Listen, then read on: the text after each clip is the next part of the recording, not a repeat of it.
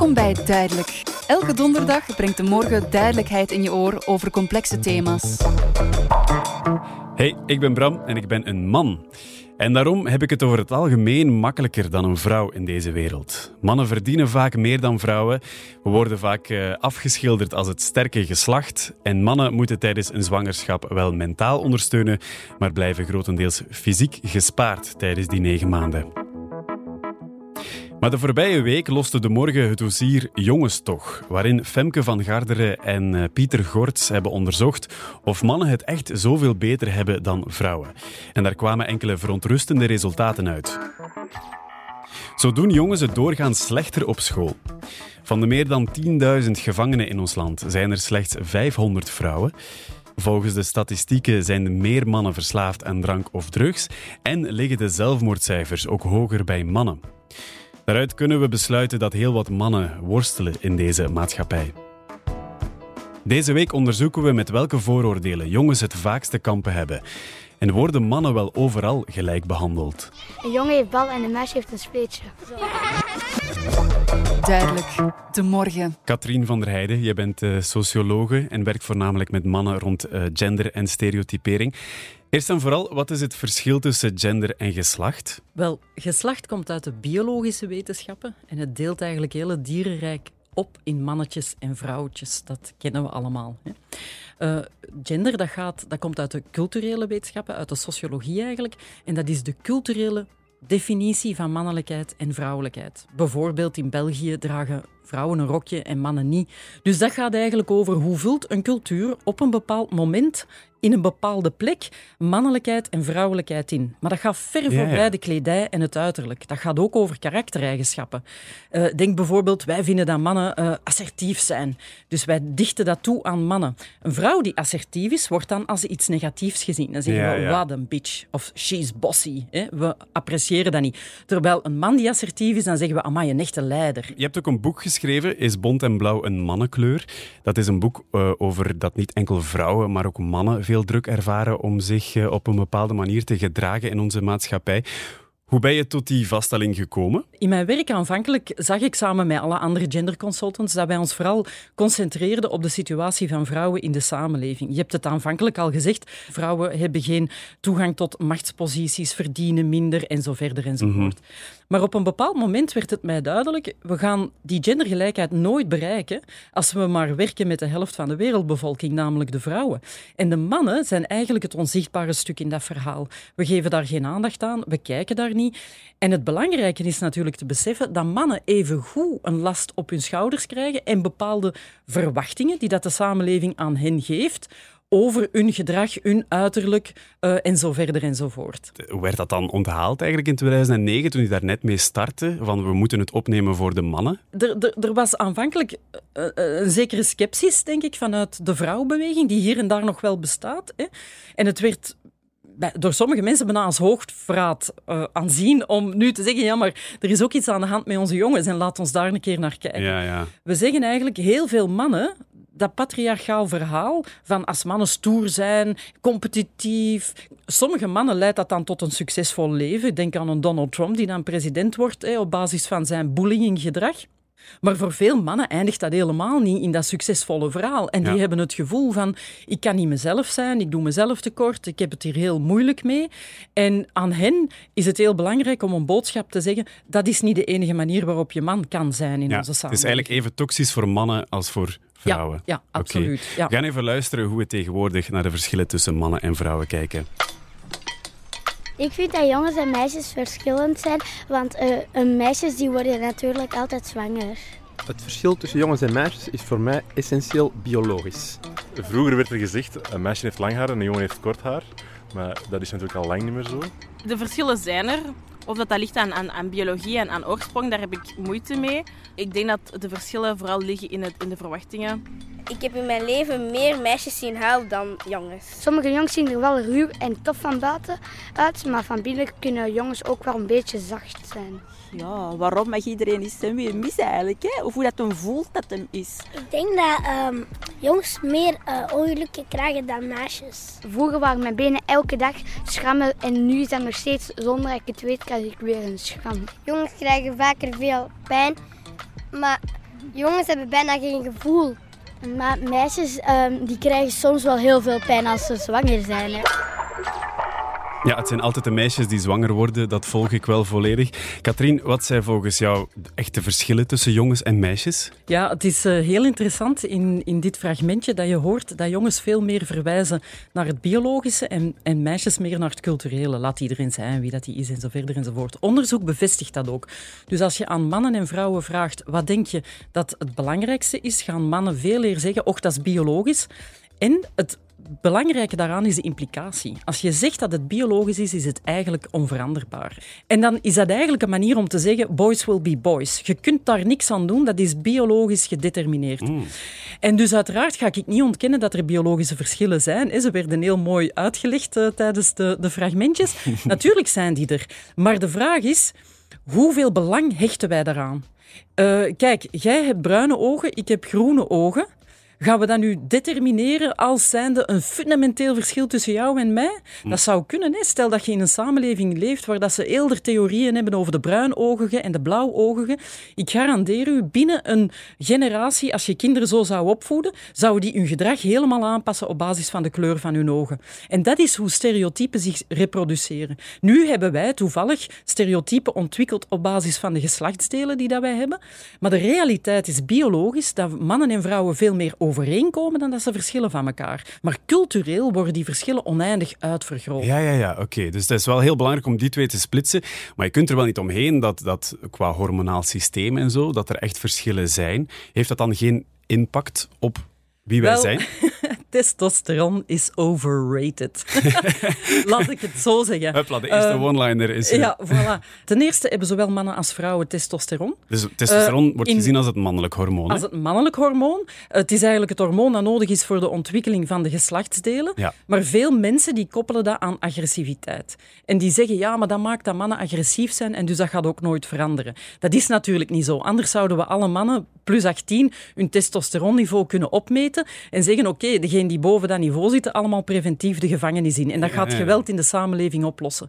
We weten allemaal dat dat niet zou werken. Waarom? Omdat culturele indicatoren veel bepalender zijn voor iemands parcours in verband met als dader van geweld. Mm. Hè, Als jij als kind opgroeit en je bent getuige van geweld, is de kans bijvoorbeeld groter dat je zelf pleger wordt van geweld. Maar dan heb je ook het vrouwelijk hormoon, eh, oestrogeen. Ja? Eh, als, als ik dan denk aan mijn vriendinnen bijvoorbeeld, als ze een maandstonde hebben, dan zeggen ze van ik heb last van mijn hormonen. En daar bedoelen ze eigenlijk mee, ik heb mijn maandstonde en ik voel mij mentaal ook slecht. Ja. Dus dat lijkt dan wel alsof die hormonen een impact hebben op, op het gedrag en het gevoel. Uiteraard hebben een, hormonen een impact hè, op uw, uw hele hormonaal systeem in uw lichaam.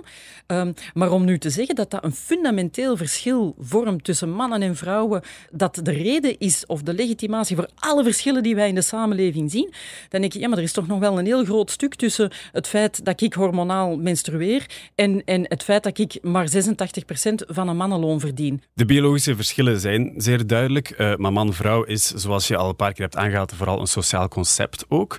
Mannen zijn stoer, vrouwen zijn emotioneel. Dat is niet mijn mening, maar dat is dan wat wat de maatschappij ervan maakt. Wat zijn de vooroordelen waar jongens het vaakst mee te maken hebben? Wel, ik denk de verwachtingen naar jongens toe, eh, zeker op emotioneel vlak, is dat ze eigenlijk eh, alleen maar stoer en geweld en agressie mogen uiten. Dat, want dat is dan oké. maar dat eigenlijk heel eh, de rest van, van het emotionele palet dat elke mens ter beschikking heeft. Ik denk dan bang, boos, blij, verdrietig, zo al, al, al die dingen dat heel die rijkdom en eigenlijk wordt ontzegd. En dat is bijzonder problematisch, omdat je um, als mens, ben, is, je lichaam voorziet dat je eigenlijk al die emoties moet kunnen processen en beleven. En ja. dat maakt het dat mannen als volwassenen het vaak veel moeilijker hebben om emotioneel overeind te blijven, te functioneren op een gezonde en gebalanceerde manier. Vandaar dat we inderdaad ook zien, twee derde van alle alcoholproblemen uh, in België zijn mannen. Mm. Waarom? Omdat ze vaak niet die weg naar mentale gezondheidszorg uh, vinden en, en eigenlijk hun probleem wegdrinken. Hè. En zo creëer je uh, eigenlijk een enorm probleem dat daar niet zou moeten zijn. Ja, want er, je, je, soms is er wel zo de veronderstelling, mannen hebben veel minder nood om daarover te praten, maar daar ga jij bijvoorbeeld helemaal niet mee akkoord. Nee, dat is gewoon ons zo niet. aangeleerd. Nee, el elke persoon heeft wel een keer een tegenslag in het leven en, en daarover praten en die emoties een plek geven, getroost worden, dat zijn menselijke behoeften die iedereen nodig heeft. Man, vrouw en maakt niet uit. Maakt absoluut niet uit. Ja. En het is natuurlijk heel heel ongezond om te zeggen de helft van de wereldbevolking heeft geen recht op die troost, heeft Ja, ja. geen recht op die knuffels. Eh, die moeten het maar in hun eentje zien te, eh, zien, zien te rooien. En op die manier eh, zijn mannen inderdaad eigenlijk zelf ook slachtoffer van die patriarchale eh, stereotypen die rond hun identiteit bestaan. We gaan even polsen bij iemand die die voordelen bij jongens heel bewust heeft meegemaakt doorheen zijn leven. Mijn naam is Siboa Ben Hilima. Ik ben eh, 23 jaar. Uh, ik heb uh, Marokkaanse, Spaanse, Ghanese, Belgische roots. Ik zat van mijn vier jaar in een instelling. Ik heb daar een hele traject mee gedaan. Ik ben van instelling naar instelling naar instelling terechtgekomen. Tot ik eigenlijk in een jeugdgevangenis ben terechtgekomen omdat er geen plaats was ter oriëntatie. op mijn 18 jaar, net een week na mijn verjaardag, ben ik mijn moeder verloren. dat heeft mij wel heel veel bijgeleerd, ook pijn gedaan in die tijd. Omdat ik op mijn 18 jaar toen kind of op straat ben terechtgekomen. Uh, ben ik in de drugswereld terechtgekomen. Uh, in de criminaliteit vooral. en ik had een keuze, ofwel ga ik dat blijven doen. Ga ik op straat hangen, ga ik dealen, rappen, muziek maken, maar op een slechte manier. Ofwel kan ik hier uitkomen en kan ik muziek op een positieve manier mensen inspireren. En dat heb ik uiteindelijk wel gedaan. Persoonlijk zie ik ook dat er uh, meer jongens in, uh, in, in, voorzieningen zitten. Uh, omdat ik zelf daar heel lang heb gezeten en in alle verschillende voorzieningen zag ik dat ook heel hard. Dat er altijd veel meer plaats was voor jongens. en ik denk persoonlijk ook dat het vaak begint van jongens moeten sterk zijn in deze maatschappij. Jongens moeten hard zijn. Als er iets gebeurt, ah, kom aan, een jongen kop op, je komt er wel door. Als een jongen iets gaat pikken in een winkel, gaat het direct zo zijn van, ah, hij is het probleem. Je bent agressief, je bent crimineel, je zit wel in een bende zitten of zo.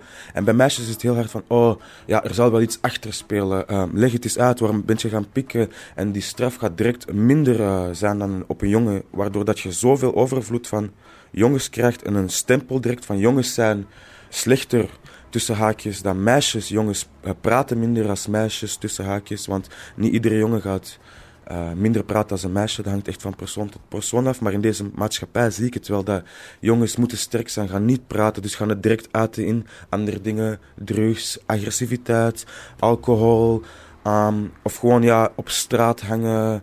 Ook minder communicatie met ouders, omdat ja, je ziet het denk ik dan mama en uh, dochter die heel vaak communiceren, maar mama en zoon is iets minder. En dan ook weer papa, visieuze cirkel. Dus ik zag dat heel hard van oei, hier, heel veel jongens komen hier terecht. Ook bij mij, die stempel was er direct van, ja, jij bent crimineel, doe beter je best, dit, dit, dat. Terwijl van, als je terug gaat gaan van, van waar komt dat? Waarom praatte je niet? Waarom, hoe ouder hij werd, ging hij agressiever worden?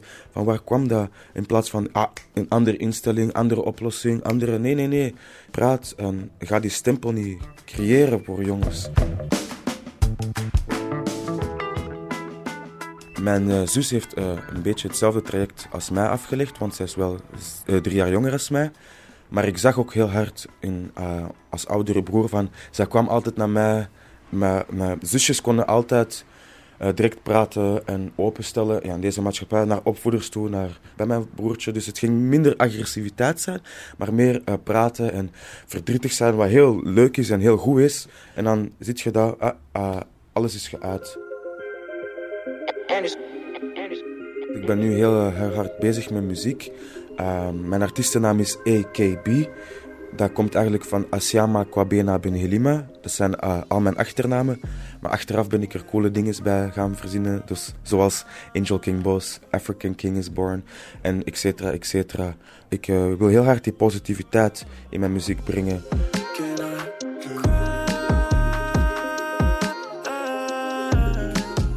Tijdje geleden heb ik uh, samen met uh, Klassie het nummer Mijn Enough geschreven, omdat we beiden zagen, uh, amai, dit thema doet toch wel iets met hem, maar ook met mij. Omdat we zagen van, oei, het is eigenlijk gewoon heel moeilijk om man te zijn in deze maatschappij. Op het vlak van verdrietig zijn, emoties uiten, maar ook gewoon op het vlak van het is normaal om te wenen, het is normaal om verdrietig te zijn, het is normaal om niet man genoeg te zijn eigenlijk.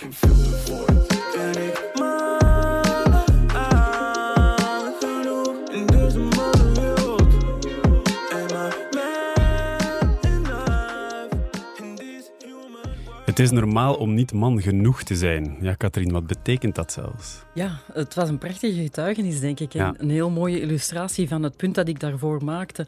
Ehm, ik vond het ook heel mooi hoe dat hij uitlegt hoe het intergenerationeel wordt doorgegeven. Van vaders op zonen, het niet kunnen uitreiken in een intieme relatie opbouwen, praten met elkaar. En op die manier ja, creëert je dus een spiraal die nooit doorbroken wordt. En we zien dat dat voor mannen veel moeilijker is om uit dat stramien te stappen. En vrouwen hadden in die zin wel wat te winnen, omdat mannelijkheid de norm was in de samenleving. En je zou aan respect winnen daardoor. Eh, Terwijl veel mannen het gevoel hebben, als ik die zogezegde vrouwelijke kant ga ontwikkelen, dan ga ik aan respect verliezen. We gaan even terug naar het onderzoek van de morgen. Daaruit blijkt dat jongens het slechter doen op school en sneller in de criminaliteit terechtkomen. Hoe komt het dat jongens zoveel meer met politie in aanraking komen? Dat wordt voor een stuk natuurlijk een self-fulfilling prophecy. Hè. Er zijn al vanuit de politie bepaalde verwachtingen naar bepaalde eh, eh, jongeren toe, en dan zeker naar jongens toe. Eh, ik denk dat dat inderdaad is, dat mensen in hun gedrag zich laten leiden door genderstereotype gedachten. Het meisje gaan ze niet associëren met criminaliteit, dus gaan ze ook minder verdenken, gaan ze ook misschien empathischer reageren. Ik denk dat dat ontzettend hard klopt, wat dat hij zegt. Ja, ja. Van alle als misdaad omschreven feiten die vorig jaar door jongeren werden gepleegd, werden 80% gepleegd door jongens. Is dat volgens jou effectief zo of vallen zij gewoon meer op? Nee, ik denk dat dat ook effectief zo is, dat zij meer feiten plegen. En dat komt natuurlijk door het feit dat dat voor een stuk past in hun eh, risicoprofiel eh, wat zij moeten doen. Er zijn ook meer jongeren die bijvoorbeeld drugs gebruiken, hè, wat ook een crimineel feit is, of drugs dealen. En dat is natuurlijk omdat dat wordt geassocieerd met mannelijkheid. En die jongens van kleins af aan wordt gezegd, dan ben je een stoere man. Gelijk als dat hij Als je veel fragment- drinkt of als ja, als je- je veel drinkt. Hè. Jupiler heeft, eh, heeft decennia lang als slogan gehad, mannen weten waarom. Ja, ja. Waarin zij eigenlijk de link maakte tussen alcohol en mannelijkheid. En binnen zo'n criminele bendes heerst natuurlijk een ultra-hyper mas- toxisch beeld hè, Ja. van hoe dat je als man moet zijn. Hè. Daarnet haalde je de slogan aan, mannen weten waarom. Dat, dat lijkt voor veel mensen onschuldig. Ah, dat is gewoon de slogan van, van, van Jupiler, denken die dan. Maar wat voor impact heeft zo'n reclame? Natuurlijk dat mannen eh, gaan denken, weer al in die adolescente leven, eh, dat zij veel meer moeten gaan, eh, gaan drinken om hun mannelijkheid te bewijzen. Dat dat een manier is om hun identiteit vorm te geven. Het helpt ook een paar drie, pintjes drinken om sociaal een beetje los te komen. Ja. En natuurlijk, ze zitten al emotioneel heel geblokkeerd, want zo hebben we ze opgevoed. En dan hebben ze alcohol nodig om terug wat losser te komen. Allee, het is eigenlijk, je, je, je duwt ze bijna in een catch-22. You're damned if you do and you're damned if you don't. Mm. Zijn er plekken of situaties waar het volgens jou eh, voor mannen echt oké is om kwetsbaar te zijn? Wel, ik zeg altijd, als je beweert dat mannen geen emoties hebben, ga gewoon een voetbalstadion in. Ehm, dan, zie je het, dan zie je alle emoties. Want opeens is het wel oké. In een voetbalstadion, dat is een heel rare brocode, maar daar mag je dus wenen, daar mag je roepen, Ja, daar mag waar. je huilen, daar mag je bang zijn hè, als je team gaat verliezen. Opeens is het daar oké. Maar dat is natuurlijk heel, heel spijtig, hè, want dan zie je ook dat het daar eruit barst alsof het een vulkaan is Ja. in dat voetbalstadion. Die ene plek waar het dan zogezegd even Ja, die mag. hè. tranen rollen over Ja, de wangen ja, en er wordt ja. op ingezoomd en dat is Ja. prachtig. Hè? Ja, ja. Die boodschappen die we meekrijgen vanuit onze opvoeding en vanuit onze maatschappij. Wat is de impact daarvan op onze jongens? We zien dat die verschillen gemaakt worden, onder andere door de media. In hoe dat bepaalde series worden getoond. Bijvoorbeeld jongens die mogen dan met, met autootjes spelen en, en de meisjes die mogen dan met poppen spelen. En als dat andersom is, dan is het altijd zo een beetje moeilijk voor de ouders of, of die wil dat dan zo een beetje tegengaan of zo. Mijn dochter is hoogzwanger, die kan elk eh, moment bevallen als het al niet aan het doen is nu. En die krijgt heel veel vragen van, ah, wat gaat het worden, een jongen of een meisje? En ze weet dat het een jongetje zal zijn. En ze zegt dan van, ja, het is een jongen, maar hij mag zelf kiezen hoor. Maar ik denk niet dat je kunt vergeten dat er ook verschillen zijn die er in het algemeen wel gewoon zijn tussen mannen en vrouwen. En dat je niet moet zeggen van ah, dat is allemaal een sociaal construct. Want ik denk dat dat te veel in het extreme is. Ik ben ook super blij dat er een verschil is tussen jongens en meisjes. Omdat als die dezelfde zou zijn, dan zou ook alles hetzelfde zijn en dan zou dat niet leuk zijn. Als, als iedereen hetzelfde is, dan, dan is er niet echt een verschil in de wereld. Wij kopen, laat ons zeggen, neutraal speelgoed. Mijn dochter heeft zowel een pop als autootjes. Ehm, en de ene dag speelt hij veel met poppen, de andere dag meer met autootjes. Dus dat is, dat is eigenlijk heel boeiend wel. Ik denk als je die te hard richting eh, poppen en zo duwt, dat dat misschien wat kan afschrikken als dat niet in haar zit. Ehm, en dat gebeurt nog wel, zo, zeker bij de grootouders. Ik denk dat het ook belangrijk is om kinderen niet af te schermen van dat hele idee. Ik zeg het, in onze tijd was dat anders. Dan, dan, dan waren er een jongen, dan waren er een meisje. En dan waren er een paar kindjes die daar ergens tussenin was zweefden. Maar nu, ja, nu mogen die dat veel meer zelf ontdekken. En, en dat gaat heel boeiend zijn, denk ik wel. Ja, we leven in boeiende tijden. We hoorden daarnet een papa die zijn dochtertje een pop en auto's geeft om mee te spelen. Er wordt de laatste tijd ook vaker gesproken over een genderneutrale opvoeding. Dat wil zeggen dat je voor je kind geen onderscheid maakt tussen dit is voor jongens en dit is voor meisjes. Katrien, wat vind jij daarvan? Ja, ik ben geen fan van het woord genderneutraal, omdat dat vaak een eufemisme is voor genderblind. Uh, wanneer je zogezegd neutraal bent, wil dat in de feiten vaak zeggen dat je gewoon meegaat met de stroom. En de stroom is genderstereotyp. Die zien televisie, die gaan naar school, die komen met andere kinderen in contact, met andere gezinnen in contact. De grootouders De grootouders, absoluut. Dus, en heel de samenleving is heel genderstereotyp. Dus je kan dat in je eentje als ouder niet uh, veranderen. Uh, je kan natuurlijk wel moeite doen om thuis je kinderen met een ander perspectief op te voeden. Ik heb dat zelf zeker gedaan en heel duidelijk de boodschap gegeven, de nadruk gelegd, je mag je individualiteit uh, ontdekken. En dat vond ik ook wel typisch, die, die, dat kind in het begin van het fragment die zei, ja, ik ben blij dat er verschillen zijn, want anders zou iedereen hetzelfde zijn. En dat is een denkfout. Het is niet omdat je genderstereotypen doorbreekt dat iedereen hetzelfde wordt. Want wat zou je dan moeten worden? Zou dan iedereen een meisje moeten worden of iedereen een jongen? Dan blijft er nog altijd in dat binair denken en dan wordt het eigenlijk nog erger. In de plaats van binair ga je dan unificerend denken en laat je nog maar één categorie mens bestaan. Dus de boodschap is niet dat meisjes jongens moeten worden of jongens meisjes. De boodschap is vooral, we zijn met 11 miljoen Belgen die allemaal een unieke gave, competenties, talenten hebben. Laat elk van die 11 miljoen mensen de persoonlijkheid dat hij heeft ontwikkelen. En laat ons die niet duwen in twee voorgeprogrammeerde vakjes en zeggen, kijk, dat zijn nu de twee opties die jullie ter beschikking staan. En zelfs meer nog, op basis van uw geslacht ga ik zeggen dat eigenlijk alleen maar die deur is die jij mag binnenlopen. Ja. ja, naast de term genderneutraal, die dus volgens jou een beetje te kort door de bocht is, of alles gelijk trekt, heb je eerder genderbewust. Mm Vind je dat een betere term? Absoluut, ja. Omdat dat dan eigenlijk wijst op mensen die zich bewust zijn van het feit dat we in een genderstereotype samenleving leven en dat het belangrijk is om die te doorbreken, zodat uw kinderen de kans krijgen om hun persoonnelijkheid ten volle te ontwikkelen. Vicky Willegems uit Eppegem voedt haar kinderen uh, genderbewust op. Eens luisteren hoe zij dat precies aanpakt. Zeg, Annabelle en Tristan, gaan we een boekje lezen? Gaan we van de brandweer lezen, Tristan? Ik help de brandweer. Zouden jullie graag de brandweer helpen? Ja, Annabel? Oké. Hallo, ik ben Finn. Ik ben een echte brandweervrouw. Ik ben op weg naar de kazerne. Dag Vicky. Hallo. Jij bent moeder van twee kinderen. Um, hoe heten ze? Uh, mijn kinderen heten Tristan en Annabel. Uh, Tristan is vijf en Annabel is twee jaar. Jij bent de moeder die er eigenlijk voor kiest, um, samen met jouw partner, om uh, genderbewust op te voeden. Ja. Wat versta je daaronder? Ik ben dat bij de start gaan doen met mijn zoon dan, hè, met Tristan. En ik ben dan echt wel gaan, gaan proberen na te gaan van, ja, oké, okay, op welke manier kan ik ervoor zorgen dat Tristan, hè, mijn kind dan, dat hij zich kan ontwikkelen gewoon als persoon. En dat dat niet is van, ja, je bent een jongen, dus je mag niet gevoelig zijn of je mag niet... Um, je mag niet gaan huilen of er wordt van jou gezegd hè, dat je niet mag kiezen om met poppen te spelen. Dag Tristan.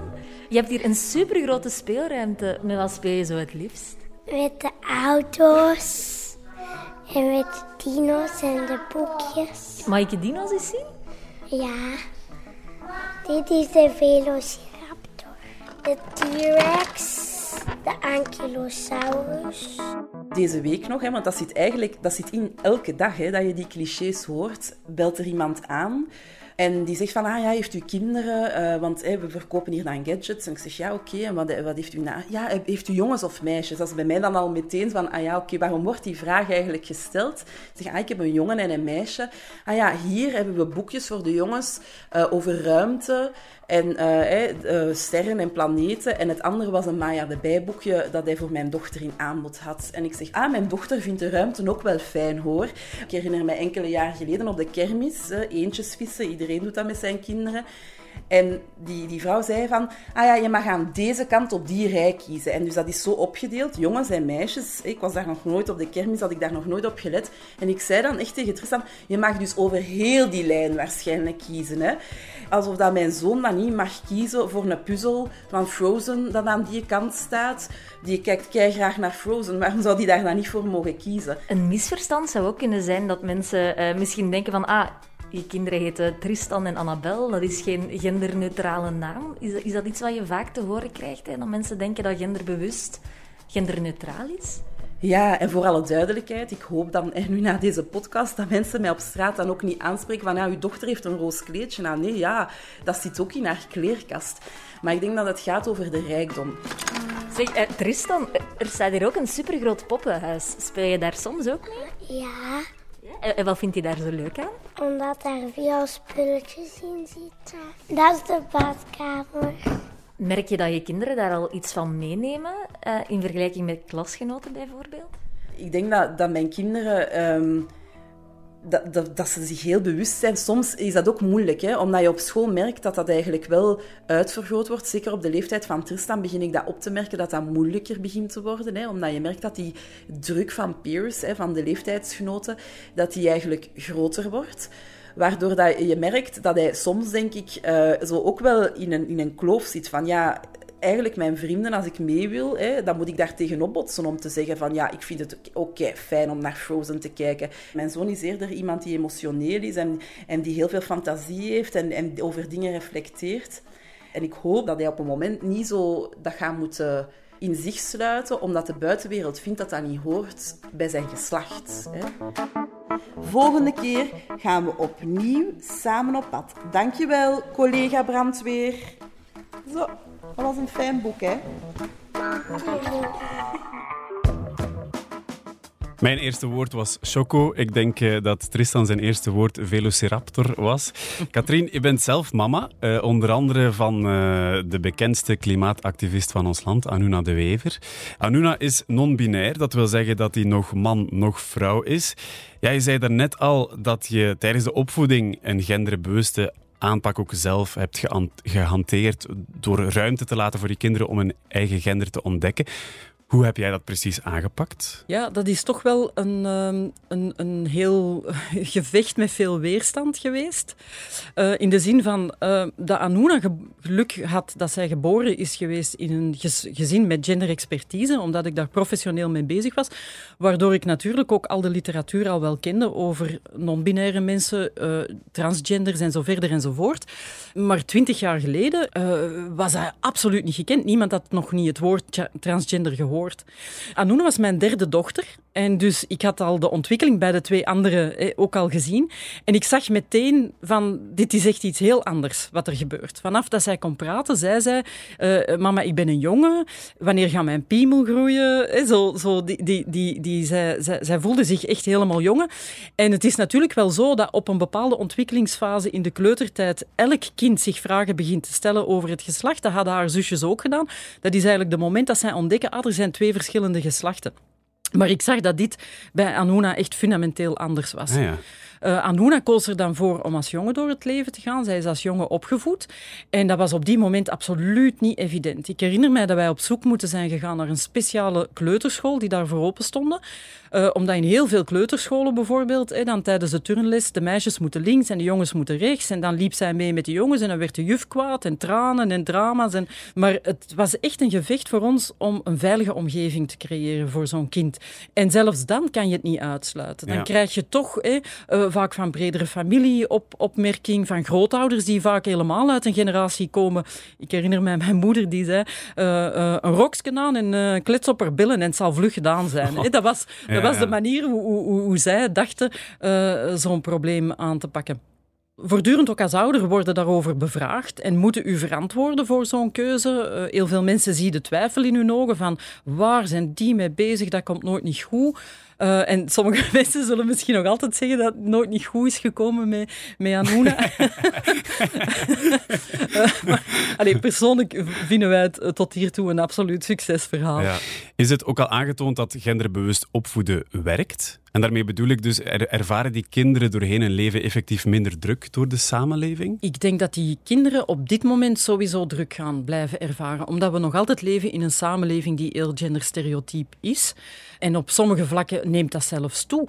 Denk aan het speelgoed Lego. Dat was vroeger unisex aanvankelijk. En die zijn heel snel begonnen met uh, doosjes voor jongens en doosjes voor meisjes te ontwikkelen. Natuurlijk is dat een marketingtruc, want je kunt meer verkopen.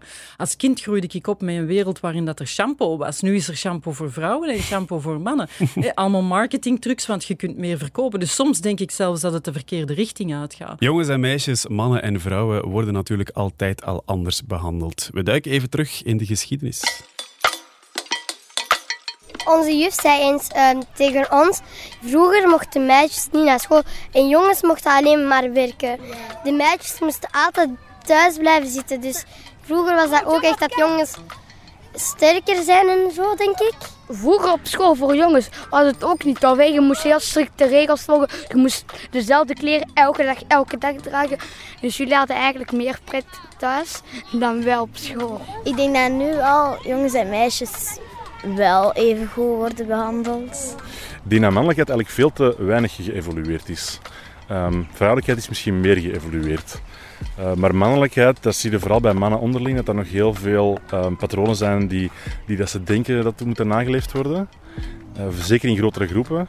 Ik kan me niet herinneren in mijn leven dat ik ooit gedacht heb, ik durf niet te huilen. Maar ik voel wel dat ik nu geen remming meer heb om het wel te doen. En dat is misschien wel een nuance. Vrouwelijkheid is enorm geëvolueerd, mannelijkheid bijna niet, horen we hier. Katrien, ga je daarmee akkoord? Ja, ik denk het wel. We hebben ondertussen verschillende feministische golven achter ons, uh, waarin dat vrouwen eh, zijn gaan eh, streven naar wettelijke gelijkheid, maar ook uh, maatschappelijke verandering, uh, toegang krijgen tot bepaalde domeinen van macht waarin hen eeuwenlang de toegang was ontzegd. Ja, we gaan even luisteren naar hoe mannelijkheid en vrouwelijkheid zijn geëvolueerd sinds het bestaan van de mens. Als je denkt aan de oertijd, dan denk je aan de man die gaat jagen en de vrouw die bessen verzamelt. Maar dat beeld klopt niet. Archeologisch onderzoek in Peru bewijst dat ook vrouwen op jacht gingen. Zo ontdekten ze graven van vrouwen omringd door jachtvoorwerpen. Analyses tonen aan dat 30 tot 50 procent van de jagers vrouwen waren. Om te jagen op groot wild met een speer was behendigheid veel belangrijker dan kracht of lichaamsgrootte. In veel bronnen van na de oertijd lees je wel altijd hetzelfde.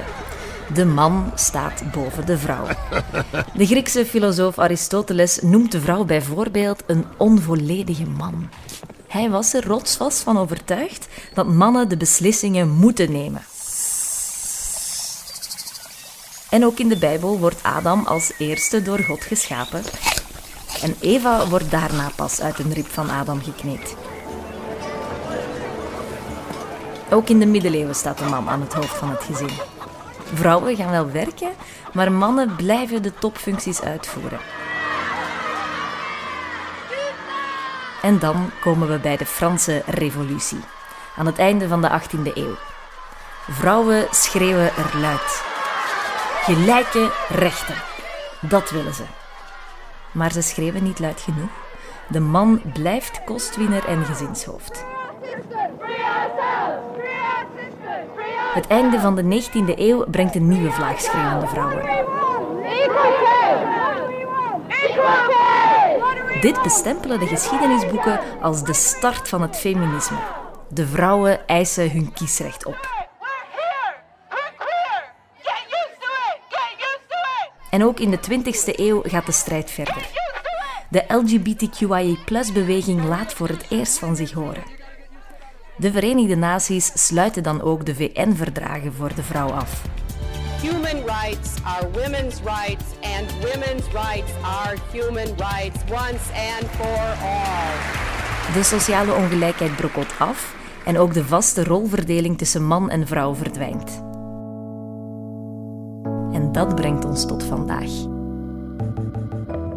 Tot zover de geschiedenis, Katrien. Hoe zie jij de toekomst van mannelijkheid en vrouwelijkheid? Meer en meer mannen in de wereld beginnen op te staan en met fierheid te zeggen: Ik ben feminist. Hmm. En um, dat vind ik natuurlijk een bijzonder gunstige uh, evolutie. Dat is ook wetenschappelijk ondersteund. Dat mannen die zeggen betere seks te hebben en betere intimiteit en betere relaties te hebben, als er een relatie hebben die meer gendergelijk is. Tegelijkertijd leven we op dit moment in een wereld van heel uh, bipolaire uh, bewegingen. Hè. En je hebt natuurlijk ook de alt-right of de extreem rechtse mannenbeweging, die een heel andere visie daarop afhoudt. Wat eigenlijk hun visie is, dat is dat heel al de problemen rond mannelijkheid begonnen zijn met het feminisme. Dus het feminisme is eigenlijk de oorzaak van de problemen en niet de genderstereotypen. En dus in hun beleving moeten we het feminisme snel afschaffen en moeten we eigenlijk een patriarchale orde herstellen waarin de man dominant is, die de macht heeft, de kostwinnaar. En dan gaan mannen terug gelukkig worden in de samenleving. Ik heb het gevoel dat jij geen lidkaart hebt bij die uh, alt-right-beweging.